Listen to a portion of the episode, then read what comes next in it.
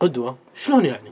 يعني الشباب الحين من يقلدون؟ من يلبسون؟ يعني من يتأثرون؟ لقد جعل الله سبحانه وتعالى النجوم أعلام هداية يهتدي بها الضالون في مجاهل البر والبحر. وهذا الاقتداء غريزة فطرية والطفل يتخذ من والديه مثلا قدوة ثم من معلمه وهكذا. لقد كان لكم في رسول الله أسوة حسنة لمن كان يرجو الله.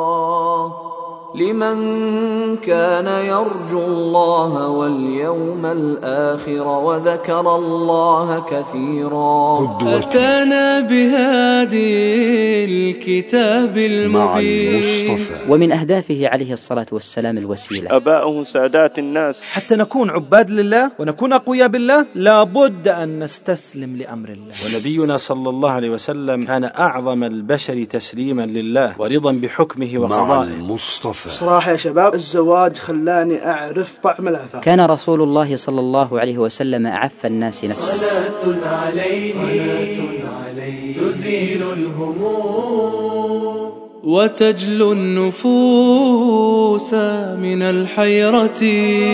حمل النبي صلى الله عليه وسلم أعظم مسؤولية وأجل مهمة إنها مسؤولية الرسالة. ومع هذا كان رسولنا صلى الله عليه وسلم يتفقد أصحابه. عاش نبينا صلى الله عليه وسلم والصدق بساطه والأمانة دثاره. وزكاه ربي بخلق عظيم وطهر حباه ذر القمة. علمنا كيف نحب وكيف نحب. كن قدوتك النبي صلى الله عليه وسلم. فالنبي صلى الله عليه وسلم جمع أحسن الخصال جمع كل الخصال الحميدة هو المصطفى قادنا. للفلاح. هو قدوة بحلمه وعفوه هو قدوة في شفقته ورحمته هو قدوة في تواضعه هو قدوة في عبادته وصف قدميه لله عز وجل. هذا هو نبينا صلى الله عليه وسلم. وقدوتنا جميعا ينبغي أن تكون محمد صلى الله عليه وسلم. هو المصطفى قادنا للفلاح. صلى الله عليه ودرب وسلم الرشاد. إلى الجنة. هذا البرنامج جزء من حملة قدوتي. تفضلوا بزيارة موقع الحملة على الإنترنت. www.kudwati.com q u d w a t y. السلام عليكم. السلام ورحمة الله. هلا بالشباب هلا بالغالين شيخ مبارك عبد الرحمن؟ والله ابشركم استريحوا يا شباب اجلسوا لا لا أخوي ما في داعي. أشوفك رجال مشغول والله. أفا أنشغل عنكم معقولة والله ما ندري يمكن استريح يلا يلا يلا. كيف حالكم الله يحييك. طيبين. شباب ما شفت البرنامج اللي أمس؟ أي برنامج؟ البرنامج عن الأديان في آسيا. اللي أمس طلع على التلفزيون؟ إيه اللي البارح. والله شيء عجيب. صراحة برنامج عن الأديان شيء عجيب صراحة. طيب وش الغريب؟ صراحة شفت لك ناس يعبدون البقر ويعبدون النار وتخيلوا يعبدون الأصنام. بقر ونار واصنام بس هذا اللي شفته. هذا والله اللي شفته. تخيلوا. ناس يعبدون الفيران وناس يعبدون الديدان. فيران؟ ديدان؟ إيه فيران وديدان. أعوذ بالله من الشيطان. تخيلوا شباب عالم في الهندسة مدير أكبر شركة في العالم. يشتغل معه آلاف الموظفين. هذا في النهار. وإذا جاء في الليل راح البيت وطلع من الصندوق صنم صغير وقام يعبده. أعوذ بالله. وين العقل؟ وين التفكير؟ وين الهندسة؟ كلها تروح يا عبد الرحمن. كل الأشياء هذه تروح أعوذ بالله. إذا نزعت الهداية من الناس. إي والله يا شباب كل شيء يضيع من الإنسان إذا مشى ورا الشيطان. إي والله والدليل يا أخي على كلامكم هذا قال الله سبحانه وتعالى ارايت من اتخذ إلهه هواه وأضله الله على علم؟ صحيح يا شباب. لما نشوف هالشيء ونسمعه لازم نحن نقول الحمد لله على نعمة الإسلام. إي والله الحمد لله على نعمة الإسلام. أخي الكريم أختي الكريمة الإنسان فيه جوانب ضعف. لكن عنده جوانب قوة. وفي هذه الحياة إذا تعرفت على جوانب القوة في نفسك وأسستها وعززتها بإذن الله تستطيع من خلال هذه الجوانب القوة أن تغير وتؤسس وتصلح جوانب الضعف في نفسك. والإنسان أحيانا يكون عنده ضعف في جزئية وقوة في جزئية أخرى. ونحن نريد أن نتكلم أن النبي صلى الله عليه وسلم كانت جوانب القوة في جميع جوانب الحياة عنده وكان عبدا لله وهذا جانب قوي في حياة النبي صلى الله عليه وسلم. فإذا أردت أن تأخذ شخصية النبي ستأخذها بكمالها وستجد أنه كان عنده القوة التي استطاع أن يتحمل الأمانة العظيمة الملقاة على عاتقه كذلك استطاع بقوته أن يجابه العقبات وما أراد له الأعداء وكاد له واستطاع أن يؤسس جيل من الصحابة رضوان الله عليهم حملوا الأمانة من بعده. كل هذا لأنه كان قويا بالله ومع الله. ولاية الله سبحانه وتعالى هي التي تعطيك القوة هي التي تعطيك الصبر والثبات والسير في خضم هذه الحياة التي نحن نعتقد أنها صعبة. وسبب صعوبة الحياة هي ضعف جانب العبودية. الاستسلام أمر مطلوب لله سبحانه وتعالى في هذه الحياة. والنبي صلى الله عليه وسلم أنزل فيما أنزل عليه قل إن صلاتي ونسكي ومحياي ومماتي لله رب العالمين لا شريك له وبذلك أمرت وأنا أول المسلمين. قضية الاستسلام هذا أمر مطلوب ولا بد أن يتوفر فينا. حتى نكون عباد لله ونكون أقوياء بالله لا بد أن نستسلم لأمر الله. والنبي صلى الله عليه وسلم كان هذه القضية واضحة جدا. لما جاءت صلح الحديبية بعض الصحابة ومنهم عمر بن الخطاب وما كان فيها من بنود كانت ضد المسلمين وكان في شيء من عدم الرضا وليس قضية الاعتراض إنما عدم الرضا على بعض البنود لما جاءوا للنبي صلى الله عليه وسلم ماذا قال لهم؟ قال لهم قولة المستسلم الراضي العابد لله قال إني عبد الله ورسوله ولست أعصيه ولن يضيعني وهو ناصري. كن قدوتك النبي صلى الله عليه وسلم. كل أمر من أمور الدنيا ليكن فيه استسلام لله سبحانه وتعالى. أمرني ربي سمعا وطاعة. وزكاه ربي بخلق عظيم وطهر حباه ذر مع المصطفى. إذا وجه إليك أمر متى تقبله ومتى ترفضه؟ أقبله إذا رأيته يتناسب مع ديني وشخصيتي وأرفضه إذا كان فوق طاقتي أو أمرا بما لا يرضي الله. والله أقبله إذا كان معقول وغير مخالف للشرع وفي الإمكان. وأرفض إذا كان خارج هذا خارج هذه الأطر الأصل أن الإنسان محكوم بأوامر الله عز وجل. إذا كان خطأ أرفضه. أقبله إذا اقتنعت فيه نفسيا وأرفضه إذا فيه مخالفات شرعية. بحسب الأمر يعني بعض الأحيان يكون أمر ما ما يجي على مزاج يعني فهمت علي؟ بعض الأحيان يكون يا أخي مناسب ووقته مناسب وزمانه مناسب وممكن إني أنفذه أقبله إذا كان يعني ما يضرني ومصلحتي وما يضر الآخرين وأرفضه إذا كان فيه ضرر علي أو على الآخرين في القرآن الكريم مثل للاستسلام لأمر الله سبحانه وتعالى. يعرضه الله سبحانه وتعالى للأمة المسلمة عن حياة من؟ عن حياة أبينا إبراهيم عليه الصلاة والسلام. إبراهيم الشيخ الوحيد المهاجر بعيدا بعيدا عن الأرض والوطن. ها هو ذا يرزق على كبره بغلام يكبر هذا الغلام فيحكي الله سبحانه وتعالى هذا الموقف. فيقول جل في علاه فلما بلغ معه السعي قال يا بني إني أرى في المنام أني أذبحك أصعب ما يمكن أن يراه المرء وأشد ما يمكن أن يؤمر به ورؤيا الأنبياء حق. وما دام الأمر من الله فما عليه إلا أن يقول سمعنا وأطعنا. ومن هو إبراهيم؟ هو عبد الله فهو مسلم لأمر الله عازم على تنفيذه ولكنه مع ذلك يريد أن يكمل ثمرة تربيته في ابنه حتى يكون ابنه مستسلما لأمر الله. فيسأله سؤال الواثق فيقول كما حكى القرآن قال يا بني إني أرى في المنام أني أذبحك فانظر ماذا ترى. فيجيب الغلام بلسان أبيه بالتسليم والرضا لله سبحانه وتعالى فقال قال يا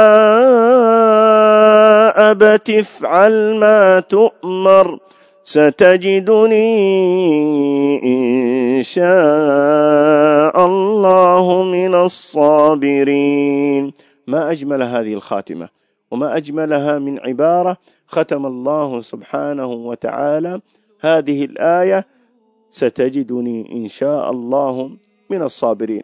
ليس للإنسان عندما يصيبه البلاء أو يصيبه أي أمر نصب أو تعب في أمر الدنيا إلا أن يقول سمعنا وأطعنا.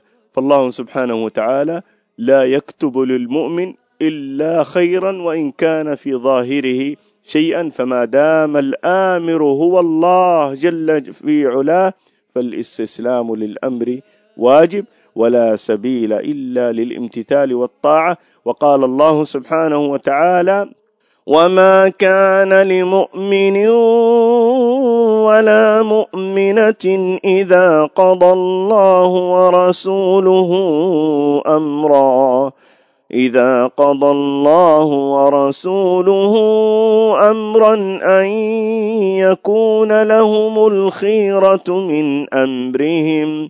فهو التسليم والرضا لأمر الله سبحانه وتعالى. هو المصطفى قادنا للفلاح. محمد ودرب الرشاد صلى الله عليه. وسلم. إن الدين عند الله الإسلام ومن يبتغي غير الإسلام دينا فلن يقبل منه. والإسلام هو الاستسلام لله ظاهرا وباطنا استسلاما تاما لا تواني فيه ولا كسل ولا اعتراض على أمر الله وأمر رسوله صلى الله عليه وسلم. التسليم لله سبحانه وتعالى من أعظم سمات الإيمان ونبينا صلى الله عليه وسلم كان أعظم البشر تسليما لله ورضا بحكمه وقضائه. ففي يوم الحديبية أعطى رسول الله صلى الله عليه وسلم شروطا للمشركين. لم يرضى بها عدد من المسلمين. فقام عمر بن الخطاب رضي الله عنه فقال يا رسول الله ألست نبي الله حقا؟ قال بلى. قال ألسنا على الحق وهم على الباطل؟ قال بلى. قال أليس قتلانا في الجنة وقتلاهم في النار؟ قال بلى. قال على ما نعطي الدنية في ديننا ونرجع ولم يحكم الله بيننا وبينهم؟ فقال رسول الله صلى الله عليه وسلم إني عبد الله ورسوله ولست أعصيه ولن يضيعني وهو ناصري. هكذا الاستسلام الكامل لله جل وعلا. الأمر من الله ليس من البشر. ليس من البشر فيستدعي الاستدراك أو السؤال أو نحو ذلك إنما هو من الله الواحد القهار. فلا يكن بعد أمر الله جل وعلا استدراك ولا اعتراض.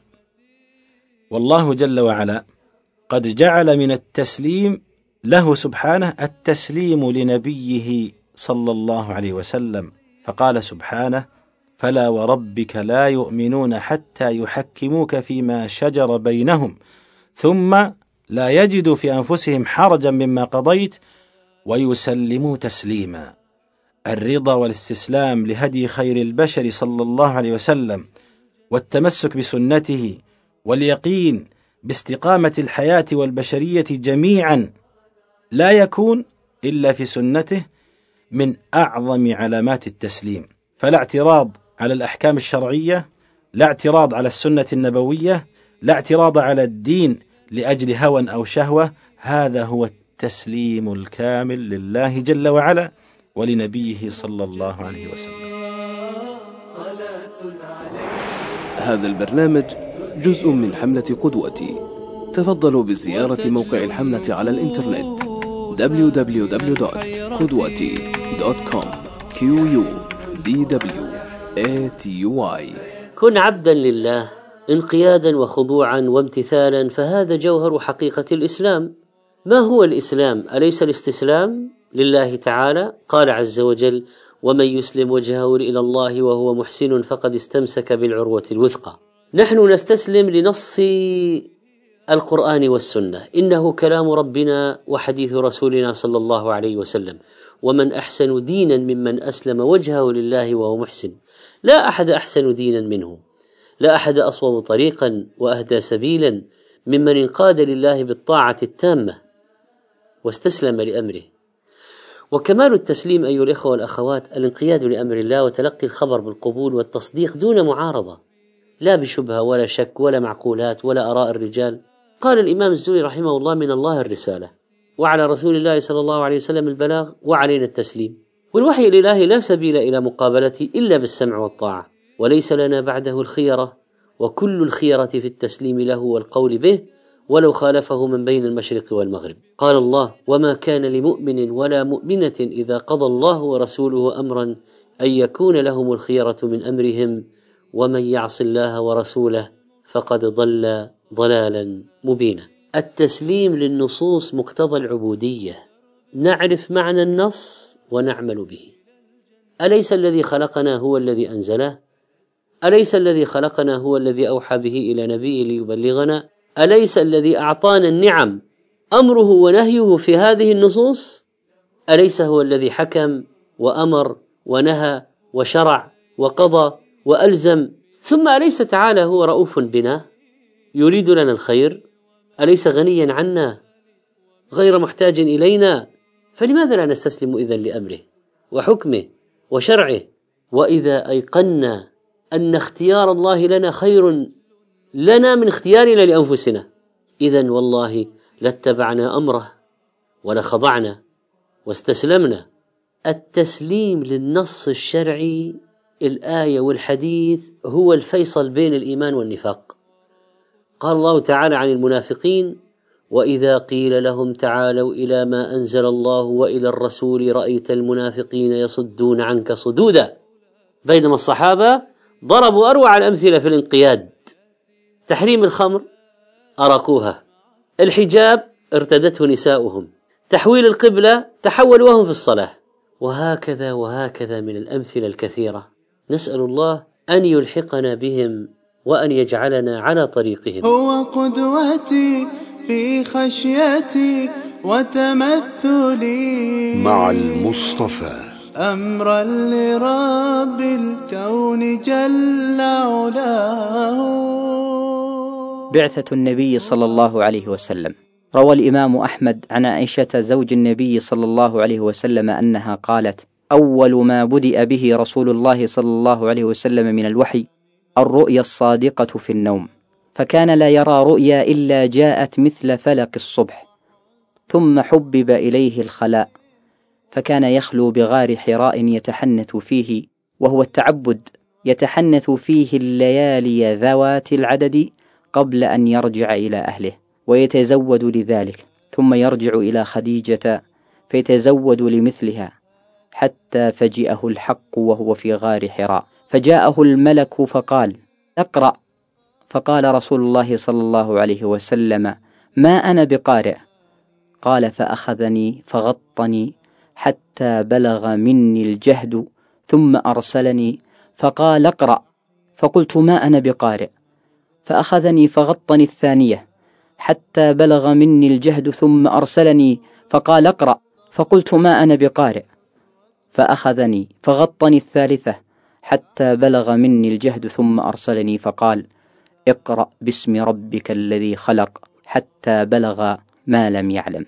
فكان هذا أول الوحي وقد رجع رسول الله صلى الله عليه وسلم إلى خديجة فطمأنته وبشرته ثم ذهب إلى ورقة بن نوفل فأخبره أن هذا الناموس الذي أنزل على موسى عليه السلام. هذا البرنامج جزء من حملة قدوتي. تفضلوا بزيارة موقع الحملة على الإنترنت www.kudwati.com q u d w a t y. كنتم مع برنامج مع المصطفى. أحب إلي من العالمين وأهلي ومالي ومن مهجتي. كان معكم من الإعداد. محمد عبد الحليم بعاج ومن التقديم. فضيلة الشيخ عبد الله الحميد فضيلة الشيخ عبد الله الزهراني. فضيلة الشيخ عبد الله الحربي. فضيلة الشيخ أبو زيد مكي فضيلة الشيخ عادل الجهني فضيلة الشيخ محمد صالح المنجد الأستاذ حمزة الزبيدي. الهندسة الصوتية. وائل ناجي زايد الحميري. الرؤية الفنية والإخراج. أحمد نور. تم هذا العمل في استوديوهات مجموعة زاد للإعلام. من الحيرة. يحن الفؤاد. فيسري المداد. بحب إمام الورى قدوتي. بحب إمام الورى صلى الله عليه وسلم. تم تنزيل هذه المادة من موقع نداء الإسلام. www.islam-call.com